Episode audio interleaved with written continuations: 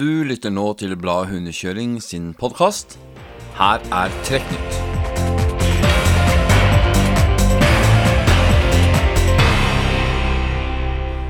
Femundløpet er over, og den eh, gjeveste prisen i F600 det gikk til eh, Robert Sjøli. Han uh, sitter i bilen nå, men vi var så heldige at vi fikk tak i han. Og Robert, nå har det jo gått en liten stund siden du vant, og du har fått sug på denne karamellen, og den har du jo for så vidt sug på mange ganger før, før også. Åssen er det å, å, vinne igjen? Nei, er, Jeg syns det er uh, kjempedeilig. Det er, uh, jeg er jo ikke 20 år lenger, og jeg solgte alle bikkjene for to år siden. Og å, jeg var faktisk lei og tenkte jeg skulle ta et hvileår. Så jeg har jo bygd meg opp et helt nytt spann, så jeg er veldig fornøyd. Jeg kan ikke si noe annet. Dette er vel en av de beste seierne jeg har hatt noen gang. Ja, for Du leda jo for start og mål? Ja, men egentlig så hadde jeg bestemt meg for, å, for en gangs skyld å kjøre så pent jeg kunne helt fram til uh, Sørvolden. Hadde egentlig tenkt, og da hadde jeg tenkt å prøve å gi noe gass og se hva jeg hadde å kjøre med. Og det, og det gjorde jeg faktisk. Og jeg var veldig overraska når jeg kom f.eks. til eh, Tusengraden og hørte at jeg hadde raskest tid dit. Og jeg syns ikke det hadde gått fort. Nei, og du holdt uh, for så vidt hele spannet på 12 helt fram til uh, Orkelbogen, faktisk. Og du hadde jo ja. hastighet på 14,2 og 13,2 og 13,4. Du, du festa tidlig grep der. Ja, de var, de var faktisk strøkne, de var på hele tida.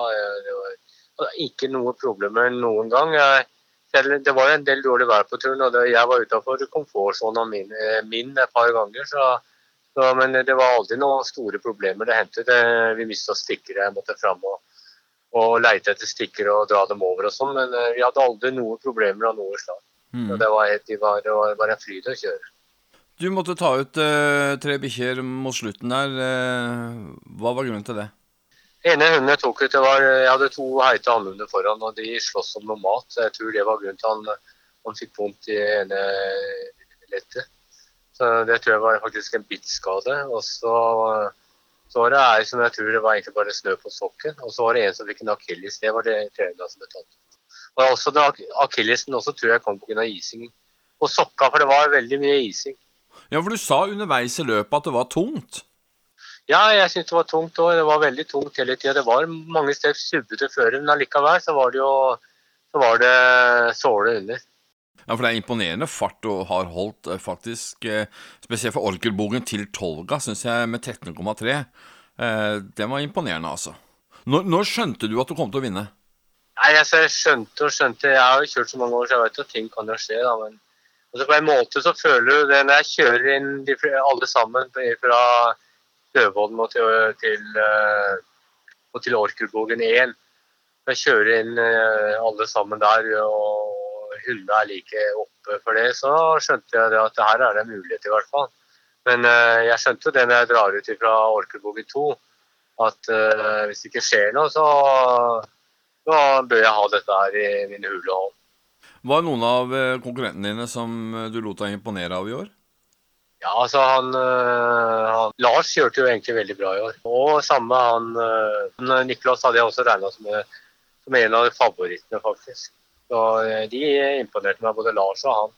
hørte veldig bra i år. Mm. Og selvfølgelig Amund Kokkvold. Han kom jo også som nummer fire. og Det er jo det beste han har fått til òg. Jeg fikk sett et bilde som dattera mi sendte, faktisk, av du står og prater med Jo Gjøldalen, som da var Laternemannen i år. Hvordan er den praten når du møter han som kommer sist i mål? Nei, jeg syns det er stor frustrasjon eh, bare å fullføre et sånt løp som, eh, som Femund. Og særlig den som ligger bakerst. Da, bare, bare tenk på det, liksom motivere seg sjøl. Vite at, alle, at, man er sist og alle andre er foran deg. Så eh, jeg syns det er en prestasjon i seg sjøl. Så det er mye av det, ja. Det er mye av det praten går på. Mm. Nå har du kjørt 29 ganger. Altså, du har én gang til, så har du kjørt 30. Og du har jo for så vidt hinta frampå at du ønsker å gjøre det. Eh, men betyr det nå at du kommer til å satse med full kennel og sånn fram mot eh, neste år? Ja da, jeg kommer nok til å gjøre det. Det, det er jeg. Jeg hadde jo et år hvor jeg egentlig sa til meg sjøl at eh, jeg var lei. Når jeg kom tilbake fra dit. Og så var jeg lei. og da vurderte jeg etterpå å ha et turspann, men eh, jeg har nå fått lysten tilbake. og I, I år har jo jeg og Jon Erik Eriksen vi har jo bytta på å trene hundespannet. Eller hovedspannet. Den ene har trent hovedspannet, og den andre har uh, hatt valper. Så jeg syns at det har fungert egentlig ganske greit. Så jeg har gjort sånn at den ikke har vært helt i kjelleren hele tida. Så jeg, jeg, har i hvert fall fortsatt lyst til å, å satse. Blir det noen flere løp på deg i år, eller? Ja, det blir, eh, det blir uh, Hva heter det for, for Sjusjøen? Det blir uh, Ja, Snørock, ja. Snørock, ja. Jeg regner med det. Jon Erik Eriksen reiser jo over med spannet til Finnmark. Ja, nettopp. Utrolig moro at du er tilbake i manesjen igjen. Jeg snakka med deg for et par år siden. Da kjørte du bl.a. Norway Trail sammen med Roy Storli. Hvordan var det? Nei, Det var et kjempeflott løp. Kjempe, skikkelig kameratskap og på mange måter uhøytidelig, selv om det er jo selvfølgelig et løp. Så Det anbefaler jeg de fleste, og det er en veldig fin måte å selektere ut hunder på. Som, så du ser hvem hunder som kan løpe fort, f.eks. Ja, men det, men det er også det at en langdistanse kjører, også gjør litt crossover og kjører litt mellomdistanse. Og du har jo sågar også vært med på sprint på, på Sjusjøen ja. sist med, med fantastisk langrennstrikot. Et uh, syn for guder. ja. det var jo veldig morsomt da, for de som var der. Eh, ja, og for de av dere som uh, hører på, så, så, kan dere se på bildet som vi legger ut i artikkelen. Vi har et flott bilde av Robert der, sånn så kan dere få med dere det. men, men, dette her med å gjøre andre ting innenfor hundekjøring, er det noe som appellerer til deg? Ja, jeg har jo kjørt Jeg eh, begynte jo faktisk å kjøre. Jeg kjørte de første gangene omtrent begynte å satse, og kjørte sprint. Jeg har vel kjørt det Jeg har kjørt det meste, og det appellerer litt til meg. for jeg prøver å kjøre andre ting òg. Jeg må ikke nødvendigvis kjøre løp som jeg vet at jeg kan vinne. Selv om jeg, når jeg er på startstreken, så, så, tror jeg selvfølgelig det alltid at jeg kan vinne. Men ja, jeg syns det er for morsomt. Nå er jo snart Iditarod og Finnmarksløpet. Kommer du til å følge med der? Jeg følger med, men jeg skal kjøre snøscooter i Audisrødløypa. Jeg skal følge skal tur sammen med venner og kjøre løypa på snøscooter. Tusen takk skal du ha for at du var med på telefonen, Robert. Og med det så er det en naturlig overgang. Vi skal nå snakke med Ben Madsen, som da er en journalist fra Alaska, som har fulgt Iditarrådet både i forberedelsene mot eh, årets løp og det som skjer da i kulissene rundt denne sporten i Alaska.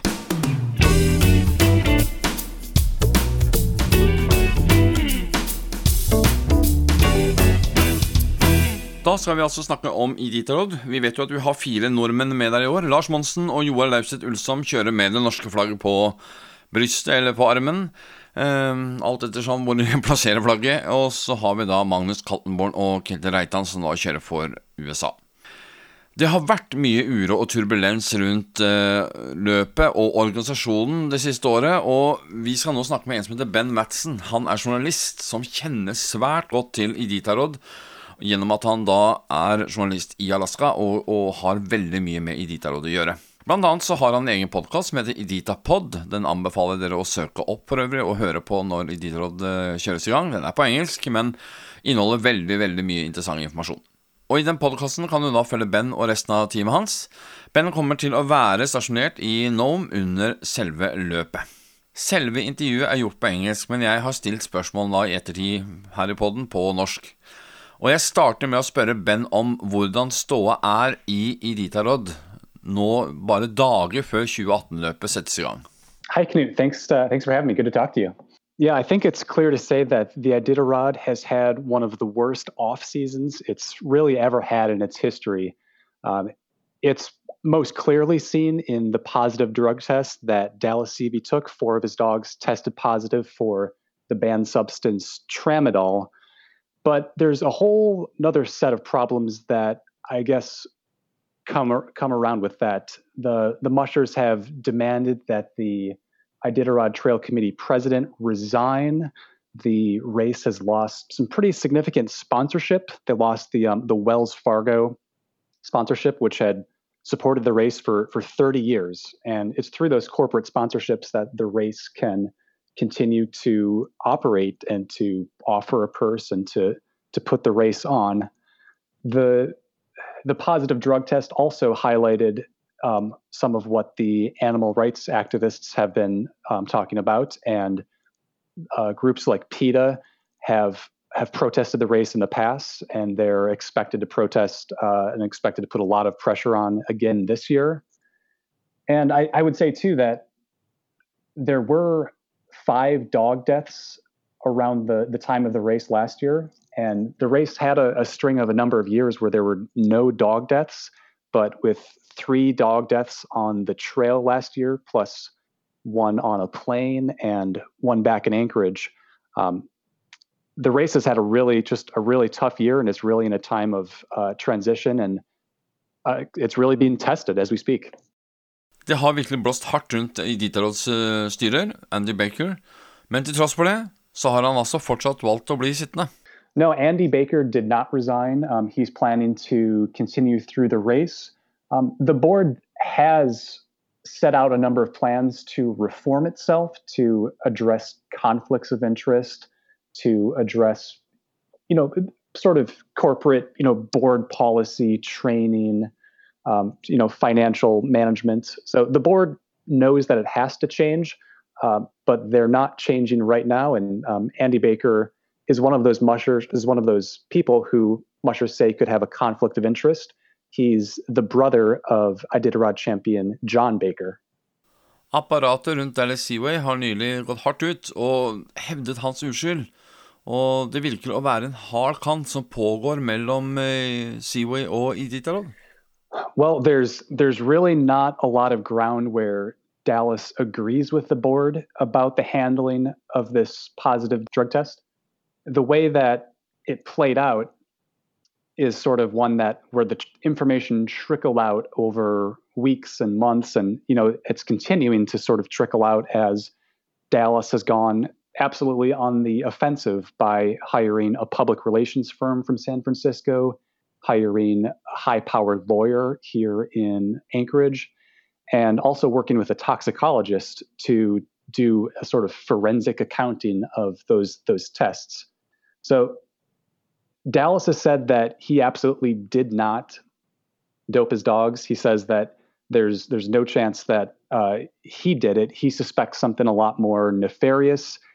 They, you know, the the analysis that you're referring to that the toxicologist laid out, uh, that analysis asserted that the administration of the drug would have been after the finish. So after Dallas had arrived in Nome and bed his dogs down, uh, you know, two to four hours in that time period, so that he couldn't have gotten any sort of advantage from any sort of any sort of drug.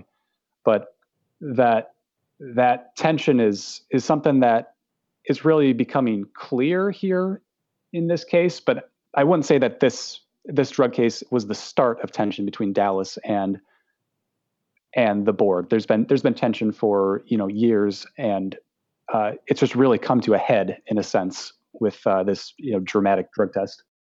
Det har ikke manglet på reaksjoner rundt eh, konflikten med Seaway og styret i Ditarod. Men eh, Ben, har dette her gjort noe med den jevne amerikaners interesse rundt eh, selve løpet? Well, it, it was big news in Alaska, definitely, and across the U.S. when when news broke that there was a positive drug test. Um, it you know it made national news, which was a surprise to me. I I do think that people who are in the know and people who follow this very closely are are pretty seriously concerned about the future of the race and whether whether competitors may really use their power and move to a different race and if sponsors really use their opinion. I think the average the average vote race fan is still going to come out to fourth avenue on march 3rd is still going to cheer for uh, their their musher uh, I think it's still going to be a really enthusiastic fan base. Um, you know, in in a sense, we do have a chance for a new champion this year, like like any year.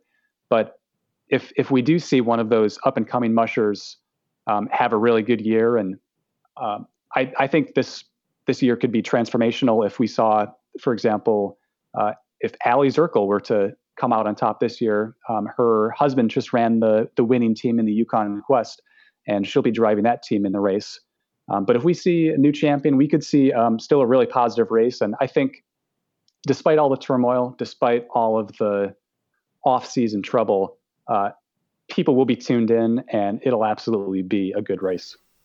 Mm, because we we need a good year now for uh, Iditarod, right? After after this off season, uh, that's that's what they need more than anything. Yep. Men i Norge er det en økende interesse rundt hundekjøring takket være TV-kanaler som har vist sporten på skjermen. Det som har skjedd i Ditarod med tanken på bl.a. PETA og responsen eh, fra ulike organisasjoner, og ikke minst at sponsorer har trukket seg, kan vi se på dette her som en advarsel også på hva som kan skje med andre løp? Yeah, well, you know, we are going to see a, a couple different items this year that um, I'm interested to see. Um, one has to do with advancing the security on on the race. So the the race has said that they don't blame Dallas Seavey for the positive drug test, but they have mentioned that they really want to beef up security. And you know what what does that mean? Does that mean cameras? There's talk about adding security cameras in Nome, in White Mountain, um, having more security guards around. Um, so that security standpoint is is one that um, I'll be watching for and see if that's actually something that can be impact that can be implemented on the race. You know, it's it's really it's really really remote for almost all of it. Um, a second a second piece that's coming a, more, a bit more down the road in the next season is a set of dog care standards. So the race is establishing a committee that would basically look at best practices of taking care of your dogs during the off season, about kennel management, about uh, medical treatment of dogs, and you know ultimately making some kennel standards protocols, uh, as they call it. Um, so that's you know that's one piece where the race has seemingly stayed out of kennel management in a in a large way, but um, going into the next year, uh, that's something that they're taking in a in a formal capacity.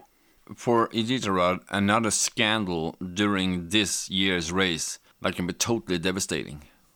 It could push the race towards a breaking point. Uh, there was there was a report that came out, a, a, confidential report that the race committee asked for to to analyze the the nonprofit structure of the Iditarod Trail Committee that runs the race. And the analysis said that two of the race's big stakeholder groups, being sponsors and mushers, are really among a, a culture of, of mistrust.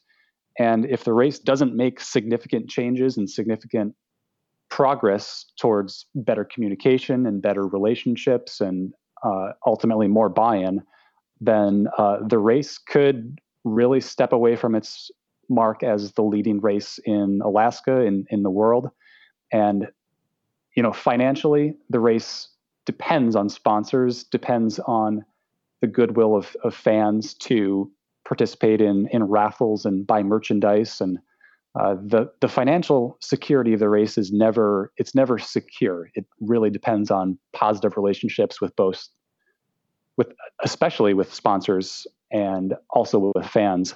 I don't see yet that fans have really changed towards the race, but um, if something happens this year, we'll uh, we'll have a new chapter to write on that.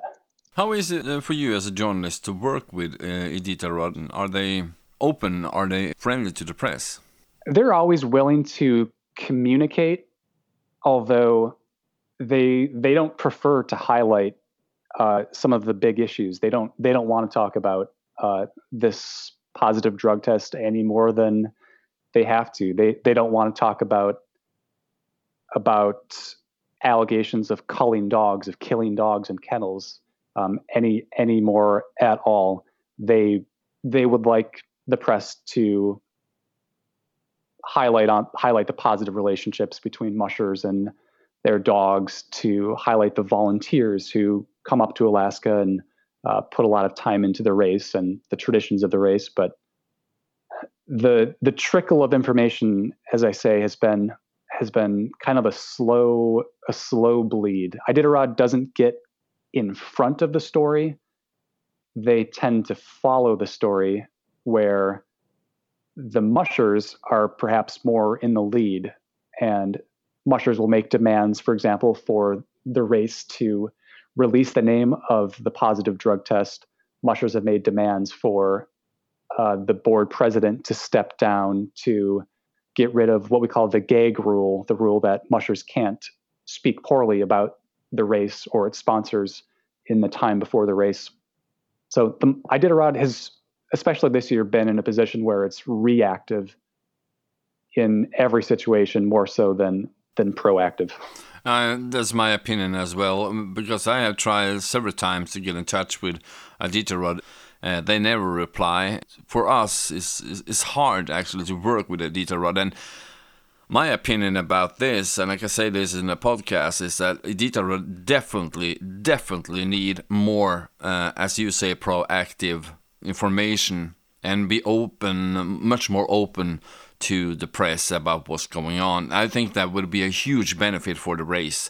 And uh, we have seen that in other races, also here in Norway, where people try to um, not hide, but uh, not talking about uh, difficult uh, questions. And for me, it's so important to try to tell all the races that if you are open, so many problems will go away, actually, but they don't see it like that they don't see it like that right now.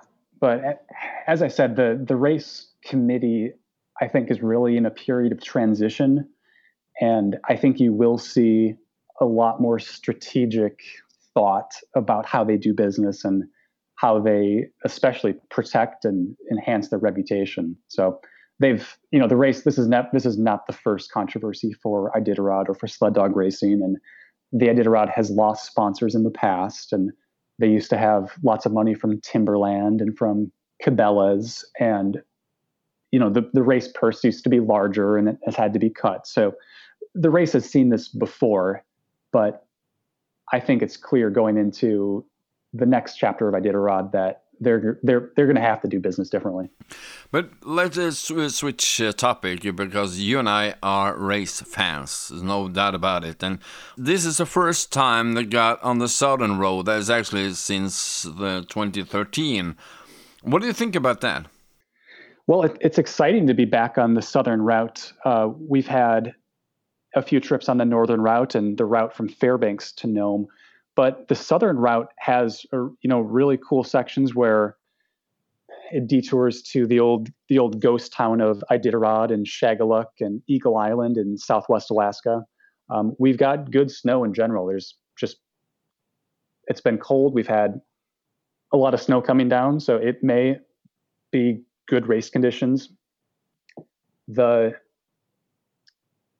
one of the things I'll be looking for is to see whether the speeds that we set last year, just the absolutely blistering speeds led by Mitch Seavey, but followed closely by by Dallas Seavey, by Joar, by Nick Petit, and um, all the top, I believe the top four mushers all shatter the record, the race record. So the the speed that they were able to accomplish on those rivers and kind of that more flat interior um, I'm really curious to see what what sort of pace mushers believe they have to set to be successful in in 2018. Um, but to do that, they have to cross the Alaska range, and they've got a tough, you know, a tough uphill section, so to speak, in the beginning to to contend with. But what is different the topography between the northern route and the southern route? Is it more hills uh, on the southern? I I don't believe there's any any really significant hills one way or the other. Uh, the races on, you know, I guess maybe perhaps more rivers on the northern route and a little bit less of the rivers on the southern route. But uh, for that section where it changes from the north to the south, uh, the the difference in topography isn't isn't that significant. If you look at the mushers this year, who do you hold as a favorite this year? if you discount Mitch Seavey, then I think you do that at your at your own risk. Uh, Mitch Seavey's implemented this year-round training program and is able to put thousands of miles on his dog team before you know just about before the snow flies. So he's got a system that he knows works, and you've seen his career really just uh, hit its hit its stride over the past five years. Um, I would expect him to be absolutely at the the front of the pack.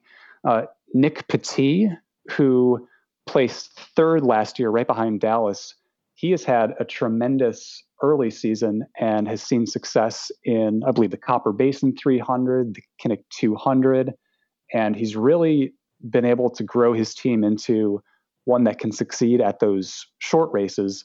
But I know he's he's really kind of moving the dials to see exactly what he needs to do to succeed at the very top of Iditarod. And we saw that last year where he was right there, right there with Dallas until the very end.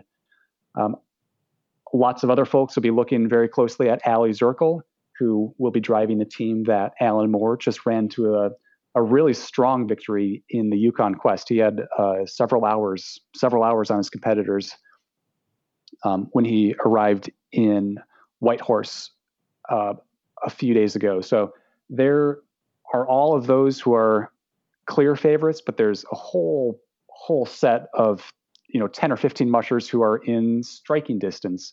Um, you see Joar Leifseth Ulsom, who's always dangerous and is always right there.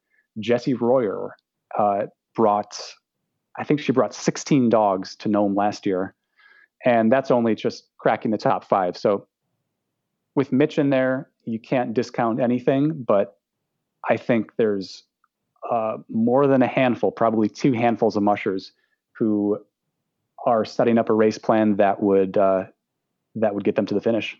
Before we end this this talk, uh, Ben, Dallas is going to Norway. Your thoughts about that? It's something no one could have expected a year ago, and it hasn't really gotten the attention in Alaska quite yet. We're we're still focused on the fallout from the positive drug test and the new report from the toxicologist and the drama with the board and the finances. So I'm really curious to see if he's gotten has been able to get the training done to set up for a successful race. And so it, it's clear that he's either is really, really taken uh, Finnmarksløpet seriously, or also perhaps does not maybe doesn't want to be in Alaska right around uh, the, the, lead up to the Iditarod in in any case. But Dallas has has he finds ways to win. He's he's won the Yukon Quest as a as a younger musher years ago with not a lot of experience on that trail, and he's an extremely thorough, analytical. You you just you talk to him and you can just tell that he's doing math in his head. He's calculating run rests. He's calculating how much each dog has run and rested, and uh, his, you know, both mind and body. He doesn't ever slow down when he when he takes care of his dog team. He runs back and forth when he's laying down straw, when he's massaging dogs, when he's, you know, he even skipped straw for for quite a few sections of the race last year, and instead uses use small foam pads that keep the dogs off the ground and keep them warm. And I think you'll see an extremely competitive race. I I have to think he'd be extremely excited to uh, to have something to focus on besides the fallout from this past year's race. And um, I'm I'm really looking forward to seeing how he runs his race and how he's received and um, what he's able to to do in Norway. Maybe that something's going to happen in the future that we see more American or Canadian coming over. Yeah, we you know we see the the opposite where a couple years ago I, I believe 10% of the Iditarod field was from Norway, and it's a lot it's a lot fewer this year. But you know I, I would I would love to see the opposite too and see you know some more international action and um, I would I would love to see that. I'm I'm looking forward to seeing how how uh, Finnmarksløpet is different from Iditarod, and I'm sure I'm a, I'm sure I'll learn quite a bit following the race.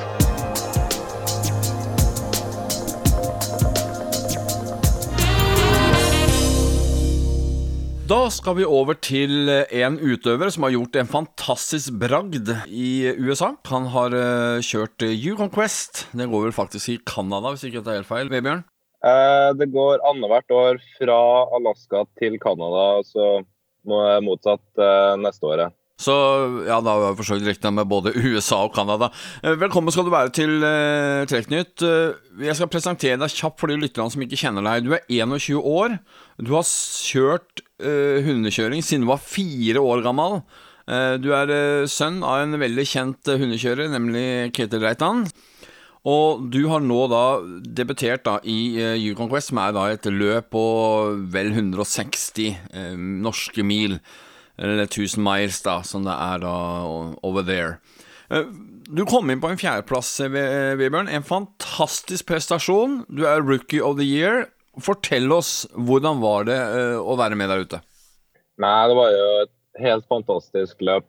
Det var, det var helt, helt, vanvittig i starten her. Når jeg kjente at hundene gikk helt fantastisk og det bare fløt vanvittig bra. Planen vi hadde lagt på forhånd funka veldig bra. Og jeg endte ganske tidlig opp i toppgjengen, da, så det var jo helt sykt. Jeg trodde jeg trodde jeg hadde gjort noe galt siden jeg var så langt fram, men det gikk jo bare så vanvittig bra med hundene. Så det, det, var, det var, helt vanvittig å få og prøve seg helt i front der. Ja, hvordan eh, opplevde du selve løpet? Var det Syns du det fungerte veldig bra uh, over hele linja, eller, eller, var det partier der som var tøffe? Nei, det her har jo vært uh, en av de tøffere årene på Yukon Quest, uh, hører jeg fra de som har gjort det her mange ganger. Så det her har jo vært kanskje det kaldeste på mange år. Vi hadde hadde kanskje 50-60 effektive minusgrader her på starten. Så det var jo helt vanvittig. Det var frostskader på mange hundekjørere. Og man kunne, kunne se det når vi hadde kommet i mål her. Og det var mange som uh, slet litt med den eh, kulda i starten her. Men for deg så gikk det, gikk det veldig bra. Uh, hvordan gikk det med hundene dine? Ja, Hundene gjorde det helt fantastisk. Eh, jeg kom til siste sjekkpunkt med 13 eh, hunder. Vi starter med 14. Jeg måtte droppe én, dessverre, på Central med sår. Men eh, det var helt fantastisk. Jeg holdt 13 sterke, sterke hunder til siste sjekkpunktet, hvor jeg valgte å droppe to, siden vi skal bruke de samme hundene på Eliteråd senere i år, så det var jo helt fantastisk eh, bragd det hundene har gjennomført. Da, og være eh, relativt skadefri på tusenmilsløp, det var jo helt fantastisk. Hvem er det som skal kjøre de hundene på Editarod? Eh, det er pappa som skal kjøre dem på Editarod Så det betyr at du egentlig strengt tatt har fire nordmenn med i år, to av de under amerikansk plagg, nemlig Magnus uh, Kattenborn og, og faren din, Ketil Reitan. Ja. Din opplevelse av sjølve løpet i Quest, det her å være en del av dette sirkuset, hvordan var det? Ja, det er nå et skikkelig sirkus, da. Jeg har jo kjørt scooter på, på Iditarod, så har jeg jo sett det. Jeg kan jo sammenligne litt med det. Så Yukon Quest er et, det er et lite, stort løp, da, har jeg sagt. Er eh, mye mindre penger involvert i det. og så er det det er litt eh, Det er som sagt mye, mye mindre. Det, det, er mye mer frivillig, frivillige arbeider på Yukon Quest. og Det, det er jo et internasjonalt løp da, som Yukon, nei, som uh, ikke er. Så det blir litt, uh, litt annerledes. da, så Vi har jo frivillige uh, som kjører spor i Alaska. Så har vi Rangers, uh, Canadian Rangers som kjører på Canada-sida, så vi får jo en uh, litt uh, interessant organisasjon som er delt i to, da. Vil du si at Euroquest ligner litt mer på de norske løpa, sånn i organisatorisk sammenheng?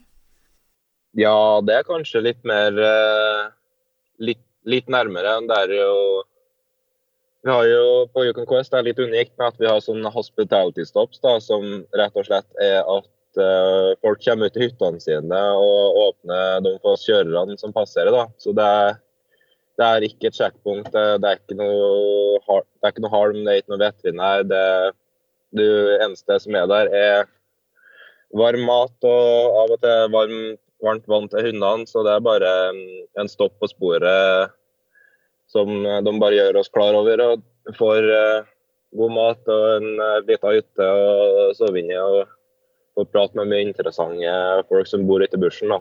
Jeg fulgte løpet herifra via Viacom Quest sin side, og jeg så jo det at du kriga lenge med Laura Neese. Ja, jeg passerte henne uh, før Dasen. og uh, Hun hadde ganske få hunder, så jeg tenkte hun, hun skulle klare å få, klare å få kjørt ifra. Men eh, rett ut til dasen så passerte hun meg. Det var jo helt, eh, helt fantastisk hvordan hundene hennes så ut. Hun kjørte jo med jeg tror det var ni hunder idet hun passerte meg. Så det var jo, det var jo artig å prøve seg litt med henne. Hun var jo veteran, så hun har sikkert litt mer peiling på hvordan det der skal foregå. så Får prøve, prøve sida og slå henne. Men du var ikke så langt bak, da? Du var bare noen eh, ja, drøye tre timer bak? Ja, det var tre timer. Er eh, enten en evighet eller ingenting. Jeg kommer an på hvor i løpet det er. Men uh, det var, jeg begynte vel å ta igjen litt uh, på slutten der, men det var, det var litt sent. Sånn eh, for deg nå resten av sesongen, har du løp du skal delta i? Det blir nå pappa som kjører Iditarod, og så skal jeg følge på snøscooter, mest sannsynlig. Så etter Iditarod så er det kanskje mulighet at jeg melder meg på Kobok 440 i Kotzeby der. Ok. I forhold til Yukon Quest neste år, hva tenker du om det? Ja, det, har nå broren min meldt eh, interesse for å kjøre løp, da, så det blir jo han som kjører spannet neste år, om han skulle velge å melde seg på. Ok, så da, så da det blir det sånn søskenfight av hvem som skal få lov til å kjøre? Ja, nei, Han må jo prøve å slå meg, han da. ja. Vebjørn, fantastisk stor prestasjon, og det er veldig mange nordmenn som har fulgt med deg, og som gleder seg over resultatet ditt, og så håper jeg at du får lov til å se navnet ditt på mange, mange løp framover. Ja, takk.